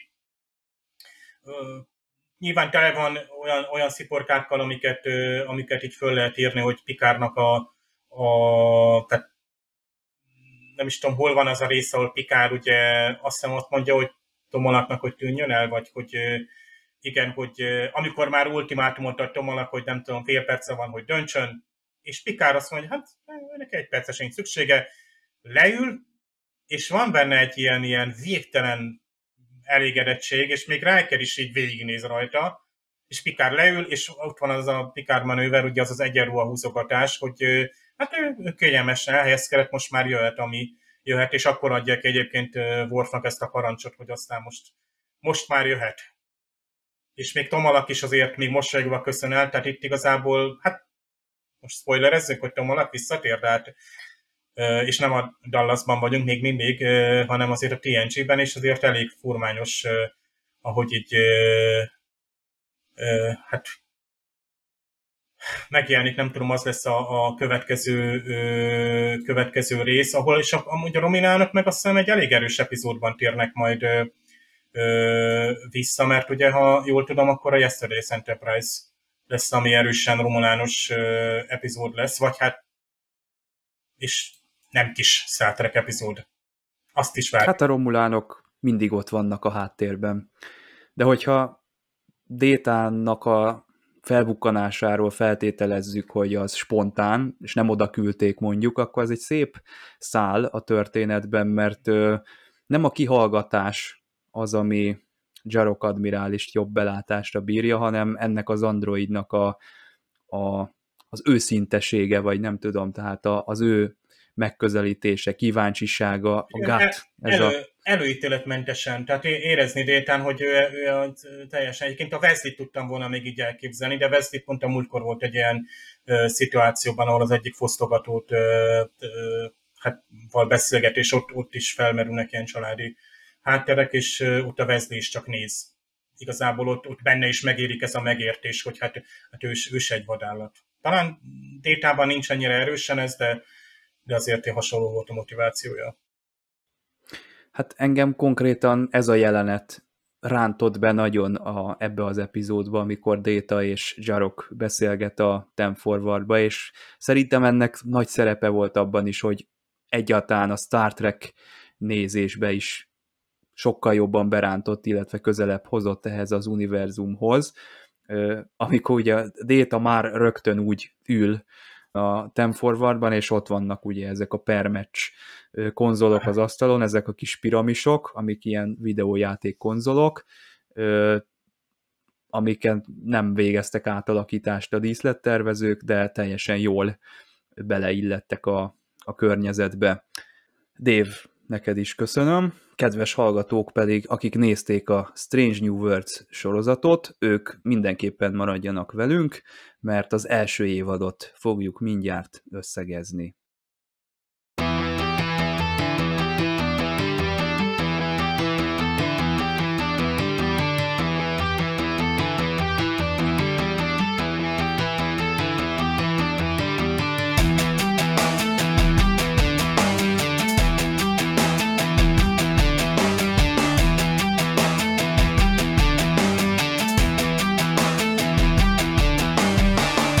És már meg is érkezett hozzánk Magdi, ami azt jelenti, hogy azonnal bele is kezdhetünk a Strange New Worlds első évadának a kibeszélőjébe. Köszöntelek ismét itt az Impulzusban. Szia! Sziasztok! Spoileresek leszünk természetesen, úgyhogy aki nem látta még mind a tíz epizódot, szerintem az kapcsolja ki a műsort, és térjen vissza akkor, amikor ezt megtette. Érdemes egyébként saját magatoknak felfedezni ezt a dolgot, mert elég fordulatos, és vannak benne azért mondjuk azt, hogy váratlan csavarok itt az első évadban.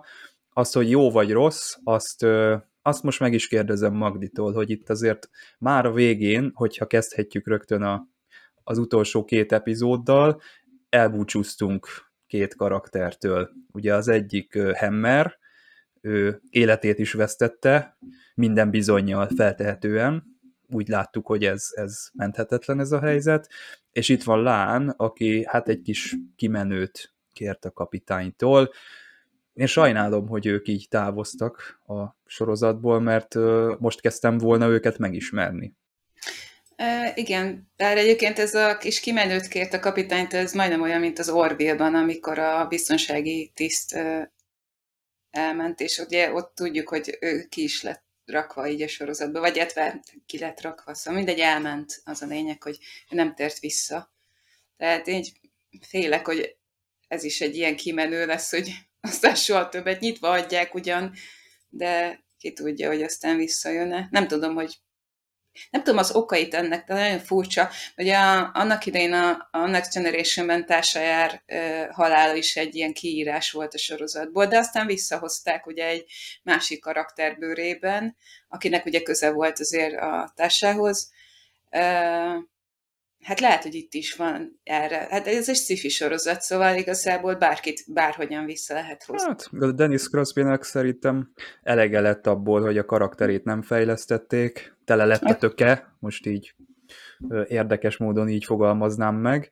Itt szerintem erről nincsen szó, mert hát Hát csak, csak első. Kilenc rész. Igen. Igen. Nem, nem tudom, nem tudom a hátterét ennek, hogy de meglepő egy, egy sorozatnál, ha csak nem a trónok harcáról van szó, hogy kiírnak egy főszereplőt, szóval mm, érdekes uh, dolog. Én, én is a Hammert nagyon sajnálom, mert uh, ő egy nagyon-nagyon jó karakter, izgalmas és uh, vicces is valahol, van benne egy ilyen ironikus stílus, ami nekem nagyon bejött, Szóval nekem, is ő, ő nagyon fájó pont volt, hogy őt, őt így kiírták, vagy szóval nem tudjuk, mert lehet, hogy a következő szezonban meg valahogy visszatér, tehát most ezt csak úgy feltételezzük, hogy ezektől a szereplőktől. Hát ugye az utolsó részben meg pláne egy, egy, egy fő karaktert, ugye a Number One-t teszik ki, illetve hát nem teszik ki, csak hát ugye letartóztatják és elviszik, szóval de az meg szerintem egy direkt egy ilyen, minek hívják ezt a... Cliffhanger. Cliffhanger, ezt akartam pont mondani, szóval az direkt azért van belerakva, hogy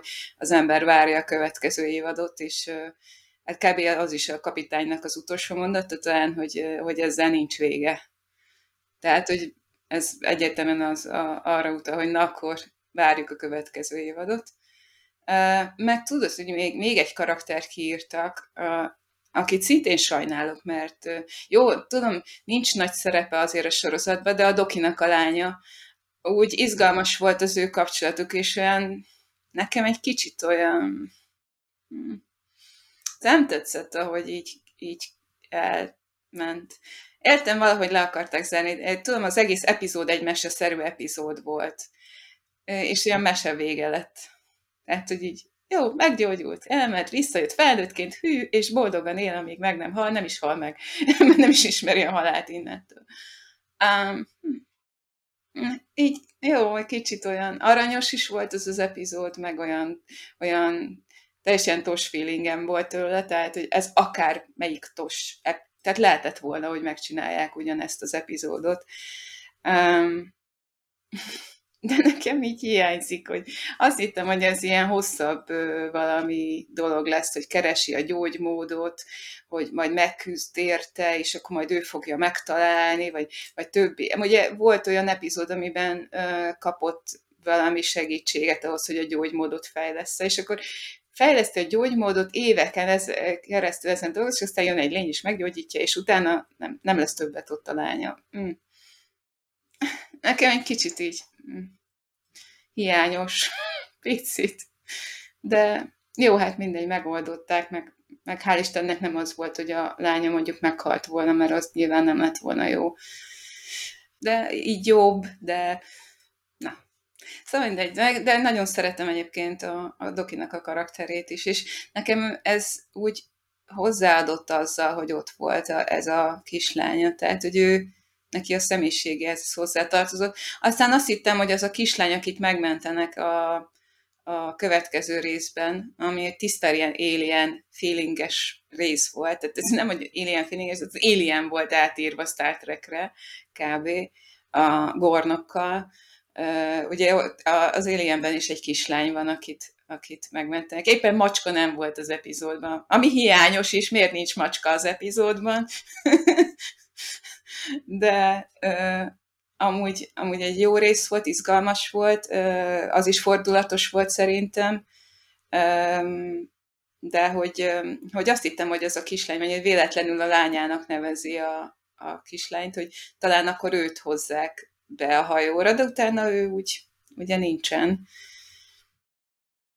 Hát jó, hát ez még, ez még első évad, tehát itt még minden olyan képlékeny és alakul, és még, még mindegyik első évad ilyen, hogy még a, a szereplőket is így szokjuk, a, a reakcióikat, a jellemüket, mindent így szokunk. Nekem, ami ilyen, tehát nagyon tetszik egyébként a sorozat, jó, e, e, ezt nem is mondtam el, nekem nagyon tetszik a sorozat, nagyon tetszik az, hogy, hogy végre egy olyan Star Trek sorozatot csináltak, amiben, amit tudok úgy ajánlani a, a, a friss nézőknek. Nem régiben egyébként pont volt egy ilyen beszélgetésem egy ilyen szifis társaságban, hogy egy, egy lány megkérdezte tőlem, hogy ő még egyetlen egy részt nem látott, tehát még mozifilmet se semmit.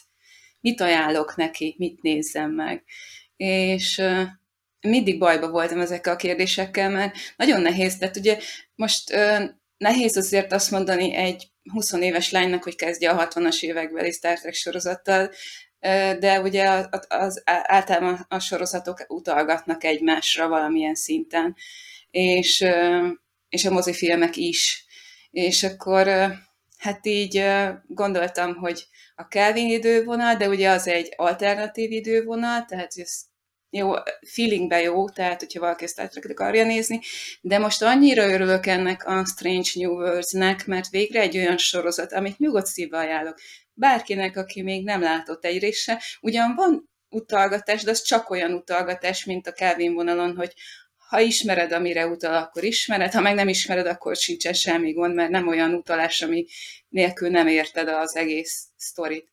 Uh, annyi, hogy jó, a, Pike kapitánynak a sorsa az, ami egy ilyen visszautalgatás, ami ugye a Discovery-re is utal, meg a Tosra is, de szerintem ennélkül is érzi, a, aki új néző, hogy, hogy itt valami nagyon ö, tragikus dolog van a kapitány életében, és hogy ismeri a jövőjét, ez azért kiderül a, a, az epizódokból többször is előjön. Úgyhogy ennyiből nekem, nekem nagyon tetszik ez a sorozat meg hogy epizódikus, tehát visszatértek ahhoz a fajta történetmeséléshez, ami régen jellemző volt a Star trek hogy a Discovery és a Picard az azért nem ilyen epizódikusra, hanem inkább ilyen egy eseményvonalra épült föl, és úgy szabdalta szét a történetet. Itt, itt epizódikus, tehát kerek történetek vannak benne. Ez, ez, és nagyon, nagyon sokszor volt ilyen, ilyen eredeti sorozatérzésem ezzel a sorozattal kapcsolatban, és, és sikerült megtalálniuk azt a egyensúlyt, hogy ugyan nagyon sokban hasonlít az eredeti sorozatra, de közben modern. Tehát, hogy, hogy a mai korhoz illeszkedik, de mégsem ment át egy ilyen, ilyen nagyon ö, nem trekkes ö, stílusba. Hát, hát szerintem, szerintem ez jó sikerült. Én még a Jim Kirk karakterével barátkozom őszintén. Nekem így elsőre ő az, aki, a Spockot ugye hát őt már ismertük a, a Discovery-ből, nekem ő, ő teljesen elfogadható Spock, és milyen ö, ő még tetszik is nekem, hogy ilyen előtörténete Spocknak, tehát hogy még, még nem az, aki forrott Spock, akit, akit az eredeti sorozatban ismerünk, hanem ő, ő még úgy formálódik, sok dolog van körülötte, ami, ami még úgy hat rá, tehát őt teljesen ilyen, nekem nagyon-nagyon jó ilyen, ilyen előszpoknak. Mm, a Jim Kirknél nekem hogy valahogy még nem látom bele azt a iszonyat energiát, amit William Shatner hozzá de még a Chris Pine-ban is benne volt ez a kirobbanok, és, és nem tudom, itt a duracál nyuszi megyek, tehát nekem még ebben az új körkben nincsen benne ez.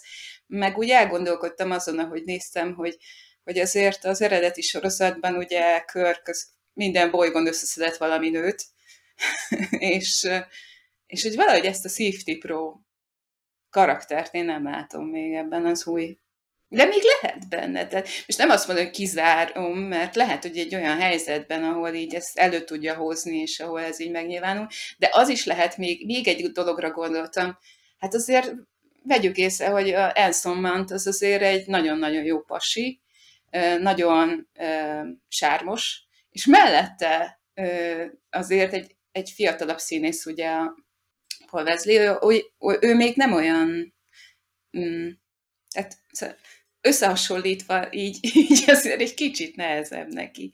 De hogyha, hogyha lesz majd esetleg olyan epizód, amiben ezt egyedül tudja kihozni magával, akkor lehet, hogy ez így működni fog. Meg hogy így elgondoltam, hogy ő meg Spocknak a figurája együtt milyen lenne. Nehéz, szerintem nehéz mindenképpen egy ilyen karakternek a bőlében bőrébe bújni, mert óhatatlan az összehasonlítás. Chris Pine ezt nagyon jól megoldotta, mondjuk Chris Pine az a rossz fiús oldalát hozta, de őnek is ment ez a csajokat csábítok meg, ilyen vagány vagyok stílus, tehát ő, ő megtalálta maga körkjét. Hát jó, ő meg még csak most ugrott be, és még, még, még ezen egy kicsit kell még gyúrnia. Fiatal még tudjuk be ennek. Lehet, hogy még jobban körkösödik a, uh-huh. az idők folyamán. Most kitaláltuk ezt a szót. A, igen, itt az epizódikus ö, történetmesélést mégiscsak összeköti ezeknek a bizonyos karaktereknek a tragikus, ilyen nehéz terhet ö, viselő sorsa. Ugye Pike-nak megvan, hogy látja, tudja a jövőt, Lán is cipeli ezt a Gorn dolgot, a Doki cipelte ezt a kislány ö, problémát. Én annak egyébként örülök, hogy azt nem kezdték el húzni még tovább, mondjuk két-három évadon keresztül, mert akkor ez már ilyen Crusade-szerű sorozat, hogy keressük a gyógymódot, és akkor, mint a Voyager is, hogy na most itt egy féregjárat biztos hazajutunk az első évadba, de hát esélytelen, és akkor ezt játszották volna el mindig, hogy na most itt egy gyógymód, de akkor az mégse. Ez kétszer-háromszor már lehet, hogy ilyen vicces, vagy, vagy azt mondja a néző, hogy ez, ez már így komolytalan. Nyilván az, hogy hogyan oldották ezt fel, az, az, az egy másik kérdés, tehát azon lehet adott esetben vitatkozni, hogy jó vagy nem jó, de az, hogy így lezárták ezt a dolgot, szerintem az, az nekem mindenképpen pozitív volt. És hát ez a Gorn dolog, ezen már mi itt cseteltünk, hogy ö, hogyan fésülhetjük ezt mondjuk azzal össze, amit Körk idejében látunk az Aréna című epizódban. Nekem ugye az volt itt a problémám, hogy hogy tudnak ezek a lények űrhajót építeni, hogyha teljesen ilyen alien-szerű, ilyen ösztönlények, ilyen ragadozók, de hát láttuk, hogy vannak nekik hajóik, és akkor én arra a következtetésre jutottam, hogy biztos csak amíg ilyen kicsik, addig randalíroznak, és amikor felnőnek, akkor megkomolyadnak, már hogyha lehet azt egy, egy komoly lényként kezelni, akit, akivel a körk párbaj során találkoztunk. Hát igen, de nehéz elképzelni, miután ugye a születésükkor már egymásnak esnek, és, és ugye addig megy a harc köztük, amíg egy marad. Ezt így nehéz elképzelni, hogy és akkor hogyan dolgoznak össze mondjuk egy űrhajó vezetésénél, vagy meg hogy azért így, akkor valószínűleg a gornok így egyedül nevelkednek, vagy nem tudom, elképzelni, hogy hogyan történik ez. Meg a szaporodásuk is érdekes, mert ugye ez úgy szaporodnak, hogy a nyálukat rá fröcskölik egy, egy másik élőlényre, és akkor abban kikelnek a tojások. Hát ez furcsa, tehát így nem tudom, e, ezt így volt-e valaki a Star Trek új sztoriainál, aki mondjuk a Gorn életmódot így fölvázolt, és így egyeztette a korábbi sztorikkal, hogy minden egyezzen, mert így nagyon, nagyon furcsa. Um, igen. Én azzal viccelődtem, ugye, hogy a Gorn szakszervezet az ritkán szokott összeülni, és, és hát ugye egyáltalán meg szülőértekezlet is kevés van gornoknál, de hát nincsen, a, ugye a gornok ezek szerint nem a szülők nevelik föl. Uh-huh. Meg hát, hát nehéz is. Így elnézve, hogy mit csinálnak ezek a kisebb gornok, ne, nehéz velük elbírni, lehet, hogy ők így maguktól fejlődnek ki, és akkor egyszer csak egy kicsit nem csak Alienre hasonlít, a szörnyecskékre is hasonlít, csak nincsen az a cuki verziójuk. Mert ugye ott is, a, itt most a, a nyálból jönnek el ezek a kis tojások, vagy mi. És szóval arra is, meg a viselkedésük, ahogy így ugrálnak mindenfelé, és pidet szétszednek, mindenbe belenyúlnak, az olyan, mint a szörnyecskékben. Csak nem, de nincs bennük semmi cukiság. Nincs, nem lesz a gorn plüssök, majd nem jönnek majd merchandise-ba. Hát lehet, hogy ezt, ezt még azért látnunk kell a második évadban akár, vagy későbbi évadokban, hogy hová fog ez fejlődni, talán nagyobb betekintést nyerünk, és, és jobban összeáll a, a velük kapcsolatos kép. Most lehet, hogy arra jó volt, hogy az új nézőknek prezentáljunk egy ilyen legyőzhetetlennek, meg nagyon gonosznak ható ellenfelet, visszatérő ellenség, akik, akik hogyha feltűnnek, akkor, akkor már mindenkinek feláll a szőr a hátán. Ö, igen, meg arra jó volt, hogy azért csak rehabilitálták ezt a fajt, mert ugye mindenki azt az ominózus Körk és Gornféle csatát szokták a legkínosabb filmjelenetnek elővenni, mert ugye eléggé látszott, hogy egy ilyen gumi jelmezbe öltözött emberrel küzd. Ja, és Körk. ezt kompenzálják, hogy ne röhögjetek Szerint a gornon. Igen, hogy ne röhögjetek rajta, igen, mert ez igenis egy veszélyes faj.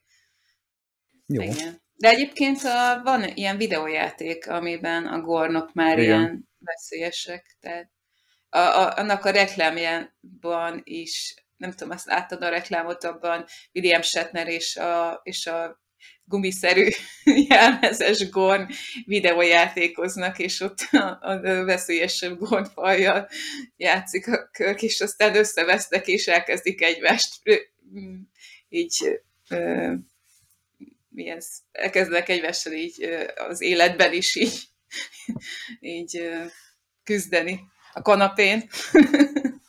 Játszottam azzal a játékkal is amúgy, ott, ott is már a, a Gorn az, az persze valamivel ilyen veszélyesebbnek tűnik, mint, mint ami az arénában, meg a, a reklámban, de azért ennyire ott sem voltak éljenek, tehát azért lehetett ellenük küzdeni, meg azért a Gorn is, mintha olyan lenne, hogy minden Star Trek korszak így újra értelmezi magának. Az Enterprise-ban is Archer összetalálkozott, a tükör univerzumban élő Archer egy ilyen CGI gornal, és ott is már az arénához képest egy, egy másfajta küllemet láttunk ők.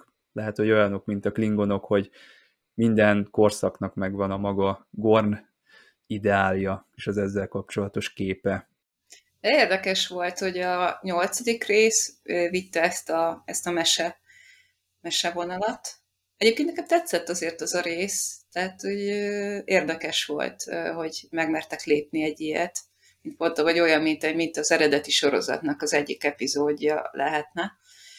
És utána közvetlenül rá ezt a kilencedik részt, ami meg olyan, mint egy horror így érdekes váltások vannak azért ebben a sorozatban, de nekem tetszik, tehát hogy ez, ez így érdekes, hogy így megcsillogtatják, hát tudunk ám ilyet is. Ez is eredeti sorozatos, hogy az egyik héten ilyen Halloween special, a következő héten egy kosztümös, egy ilyen mese, a, utána pedig egy kicsit elgondolkodtatóbb.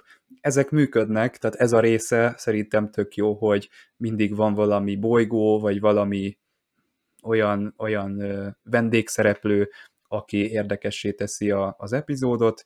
Ezzel együtt viszont én rövidnek éreztem ezt az évadot, főleg ahhoz, hogy így, így érzékeny búcsút vegyünk bizonyos karakterektől. Egyébként neked mi jut eszedbe, hogyha így az egész sorozatra rátekintünk? Nekem a Pike-nak a, a személyisége az, ami elviszi az egészet a vállán. Ugye Anson Mount valahogy egy olyan jó fejséget, meg egy olyan szerethetőséget adott a Pike-nak, ami korábban nem nagyon volt. Előtte sem volt semmi gond a karakterrel, de ő behozott egy olyan faktort, hogy na ez tök szívesen venném, hogyha ő lenne az én főnököm. Igen, ő tényleg az a, az a nagyon melegszívű ember, de amúgy meg egy elég határozott kapitány e, emellett. Én régebben mindig, amikor azt kérdezték, hogy melyik kapitány alatt szolgálnék legszívesebben, vannak ilyen felmérések, vagy nem tudom, ilyen tesztek. Közvéleménykutatás. Közvéleménykutatás, nagyon jó. Szóval, és, és én mindig az ácsert mondtam. Én tudom, hogy nem, nem ő a kedvenc kapitányom, de ha azt kéne választanom, hogy melyik kapitány lenne a főnököm, és melyik ki alatt szolgálnék szívesen, akkor Archer lenne, mert Archerben van ez a, ugyanez, mint a, a Pike-ban, ez a jószívű, odafigyelő, de közben egy határozott főnök, de, de van benne egy csomó empátia is. Nekem, nekem legalábbis ő, ő az, aki ezt így, így megtestesít így egyben. De följött mellé nagyon, sőt, nem tudom, még, még nem tudom, hogy meghaladta de, de Pike, Pike is, őt is szívesen választanám.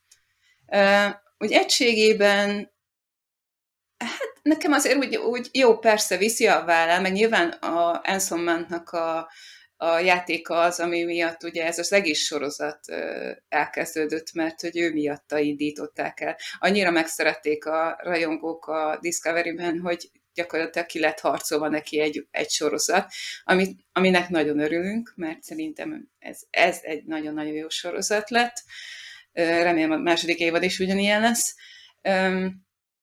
De nekem tetszenek a, a a többi karakter is. Egy, igen, ez egy picit megint csak az, hogy az eredeti sorozat stílusához tért vissza, hogy jobbára a főszerepben a kapitány van.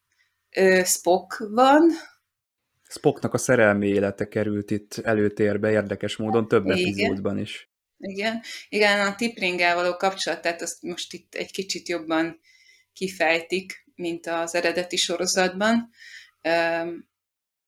És, és szerintem, tehát ráadásul elég jó maga az a kifejtés, meglepő bizonyos fordulatokkal, de hogy mm, nem mentek át nagyon csöpögősbe se, és annyit azért úgy nem változtattak a, a jellemükön, hogy az ne legyen hihető, vagy nem tudom, tehát nagyon jó ez a vonal, és ráadásul ugye én ez elején, amikor megláttam a Csepölnővért, hm, Csepölnővér nem is ilyen, mert, mert hogy ez a, az új karakter, ez egy ilyen nagyon határozott, nagyon céltudatos, nagyon tudja, hogy mit, mit akar csinálni, nagyon beleérző, és vagány csaj. Tehát nekem azért az eredeti sorozatban Csepölnővér az nem annyira vagány, mint inkább ilyen, aki ilyen, látó ilyen szerelmes Spockba, és, és és a kedves, de olyan, tehát nem a vagányság jut róla eszembe elsősorban. De most, amikor jött ez a szál, hogy így a Spocknak segített a Chapel, és tulajdonképpen itt is kialakult egy érzelmi szál Spock és Chapel között, és most sokkal érthetőbb, meg, meg ilyen kézzelfoghatóbb ez a, ez a szál, hogy miért alakul ki a Chapel és a Spock közötti érzelmi szál, amiből nem tudom, szerintem valószínűleg nem fogják azért ezt így ennél tovább vinni, mint ami most van köztük, ami egyfajta barátság, de közben meg mégis van egy ilyen női férfi ö, feszültség köztük.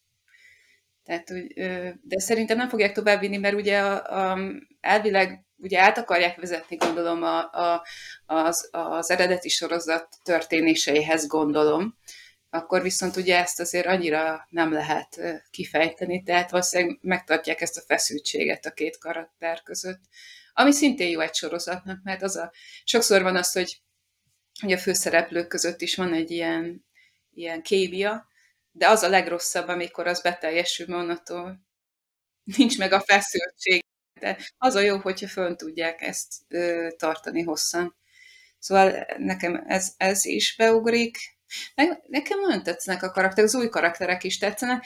A régiek közül ugye az Uhura, aki egy szintén egy kicsit másabb, mint ahogy őt ismerjük, de az meg annyira érthető, hiszen ő még csak egy, az elején még ugye egy ilyen kezdő kis éppen Kadét. kikerült, igen, éppen kikerült a suliból, és még itt nagyon kereskéli saját magát, és, és egyetlen a helyét, sőt, még azon is gondolkodik ugye az első évad, hogy egyáltalán itt maradjon-e az Enterprise-on. Nekem ő is, ő is teljesen hiteles karakter lett, és, és nagyon jó. Én igazán neki rossz kicsit karakter. a Hammer volt a, a mentorja, ő Igen. osztotta neki ezeket a bölcsességeket, meg ezeket a szövegeket, és innentől kezdve lesz érdekes, hogy akkor a, az Uhura úgy tűnik, hogy ő, a szívébe zárta, és megértette azt, amit a Hammer mondott neki. Erre leszek kíváncsi egyébként, hogy Uhura hogy fejlődik tovább, vagy hogy milyen lesz például ő a második évadban. A, nekem egyébként a, én azt hittem az évad elején, hogy az Erika Ortegas lesz az én kedvenc karakterem, de nem tudtam meg róla semmit.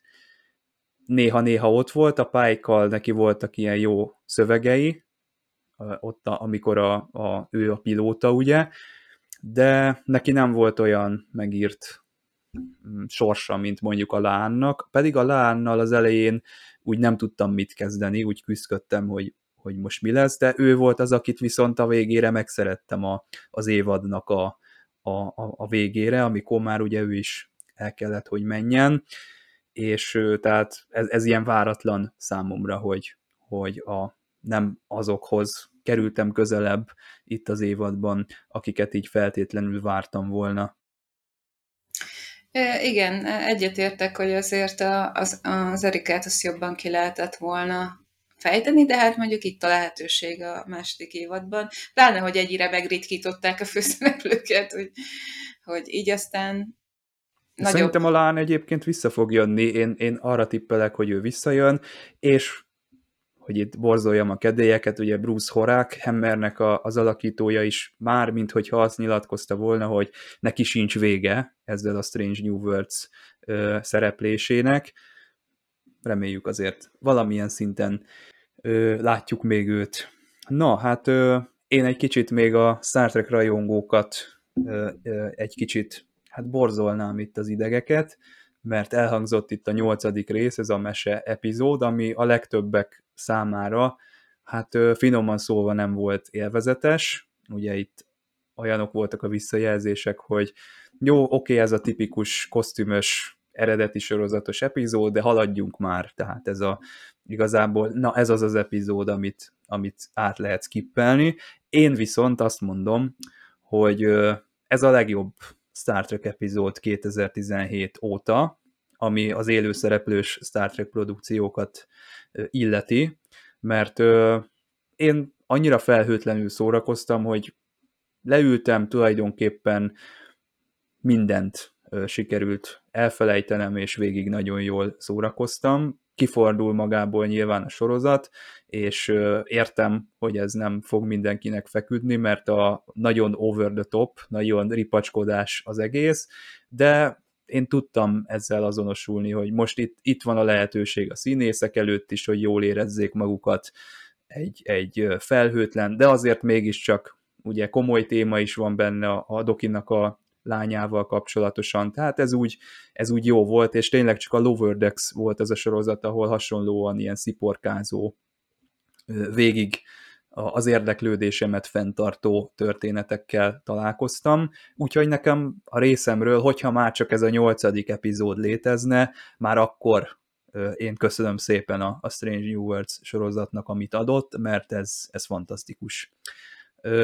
A másik dolog, hogy mondtad, hogy kiváló a sorozat, ezzel én is egyetértek, ez egy fantasztikus Star Trek sorozat, és több helyen én is olvastam, hogy na ez az, ahol be lehet lépni a Star Trekbe, tehát hogyha valaki még fiatalabb, és már a TNG az hát már retro, meg nem annyira kapja el a fonalat, akkor itt van ez, itt epizódikus történetvezetés van, de azért a karakterekkel is lehet együtt menni, fejlődni, úgyhogy ez, ez ilyen szempontból ténylegesen tökéletes.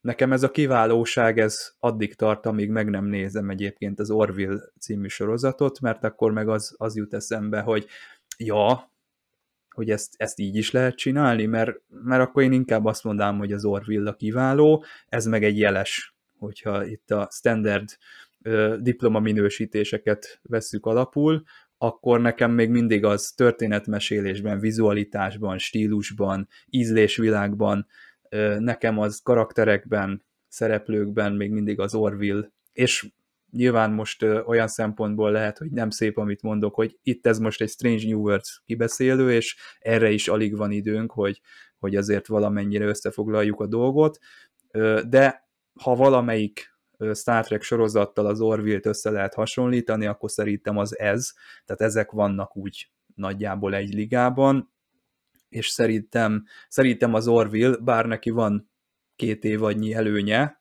és az sem volt mindig annyira patent, mint mondjuk amikor az, el, az első részét néztük a harmadik évadnak, akkor ma azt mondtuk, hogy na jó, hát ez, ez, ez fantasztikus dolog. Azért ott is megvoltak a hullámvölgyek, tehát még van van idő a Strange New Worlds előtt, és én azt mondom, hogy bizonyos szempontból baj, hogy elvarratlan szálak vannak itt, de bizonyos szempontból meg lehetőség arra, hogy tovább vigyék egy érdekesebb irányba, akár a karaktereket, akár a történeteket. Igen, egyetértek egyébként. Nyilván én is nagyon szeretem az Orvét, és egy érdekes, hogy az Orville-t sose tudjuk kikerülni, amikor az új Star Trek sorozatokról beszélünk, holott nem Star Trek sorozat, hivatalosan, de hát ugye mindenki érzi, hogy, hogy ebben azért nagyon-nagyon sok Star Trek van. Az Orville nál például nekem nem tetszett a pilot epizód, tehát hogy én, vagyis nem azt mondom, hogy nem tetszett, csak olyan... Hmm. Nehezen indult be. Igen, hogy hát jó, hát akkor, így megné... akkor mindegy, adjunk még esélyt, megnézem a többit is, és akkor úgy szépen lassan így, így építgette föl, és tulajdonképpen az Orville inkább a második évadra találta meg a saját hangját, ahol már azt mondom, hogy na, ez már most már olyan orvilles, tehát hogy amikor komolyak is vagyunk, de azért a poénok beleférnek, és hát a harmadik évad az tényleg elnyűgöző, tehát hogy a, ott elájultam a, már tényleg az első epizódtól is. Hát szerintem is, még, még a Strange Universe-nek azért még van ideje, és hál' Istennek, hogy van ideje, és nem azt mondták, hogy akkor el van kasszálva az első évaddal. Szerintem még, még, még az, az összes többi sorozatnál is azt mondom, hogy az első évadok azok ilyen, sőt, az, hát inkább az első évad mindegyiknél egy ilyen még keresgéljük, még nem tudjuk, hogy mit akarunk ezzel a karakterre pontosan, de még, még van időnk, még ki fogjuk fejteni.